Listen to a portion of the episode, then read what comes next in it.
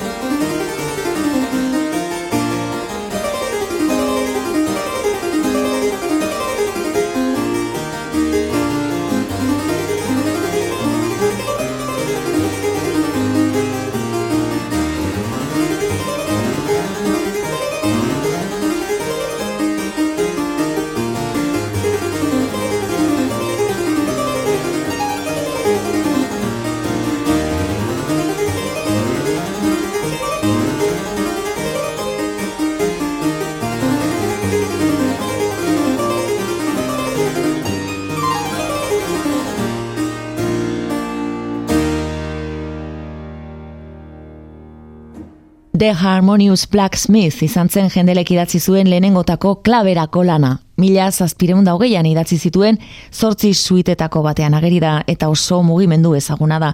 Bazi hurrenek interpretaziorik sonatuena, Trevor Pinnock ingelesarena izango da. Eta oraingoan klabe jotzaile nahi zuzendari famatua entzuteko plazerra izan dugu. Klasikoak EITB Cervantes Institutuaren babespean izen bereko abes batza jarri zuen martxan, laurogeita ama bostean Carlos Fernández Aranzai abeslari eta zuzendari madrildarrak, Koro Cervantes, Londresen. Iberiako musikan aditua da eta peninsulakoa zein Latinoamerikakoa lantzen dute erresuma batuan, lehen esan dudanez, tartean, aita donostiaren musika.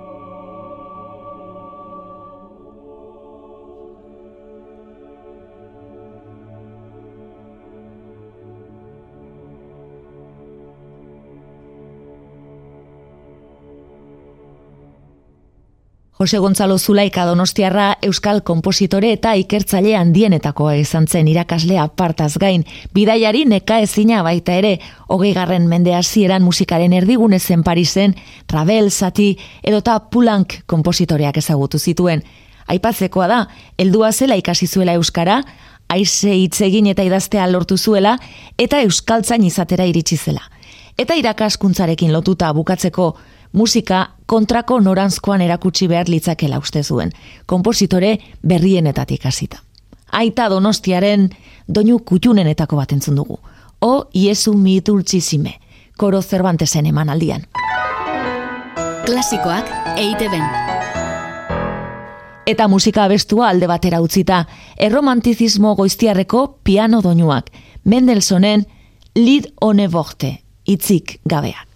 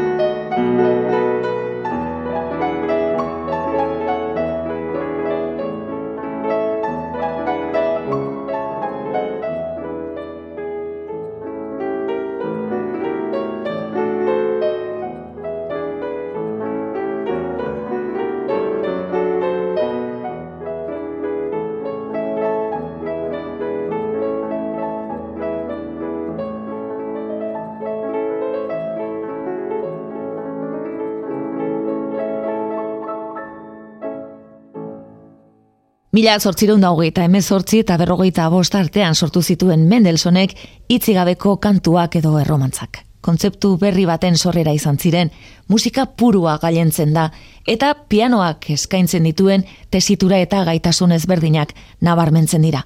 Martin Stadtfeld pianista alemana izan da, opus irurogeita bi horretako zeigarrena ekarri diguna. Klasikoak eite ben. Nora bidez aldatuz, urte batzuk aurrera egingo dugu, eta hogei garren mende hasierako Brasilera joko dugu.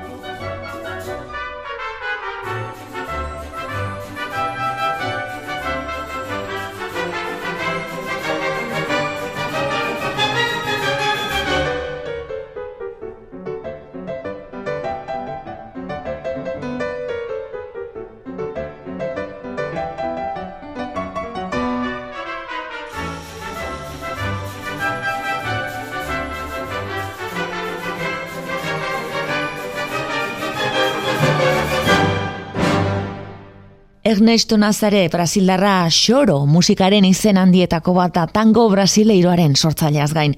Mila bederatzireun da malauean konposatu zuen Pierrot pieza jotzen, Albert Ginobart piano jolea eta Logans Foster egiraturiko Bartzelonako eta Kataluniako Orkestra Sinfonikoa izan ditugu. Klasikoak eite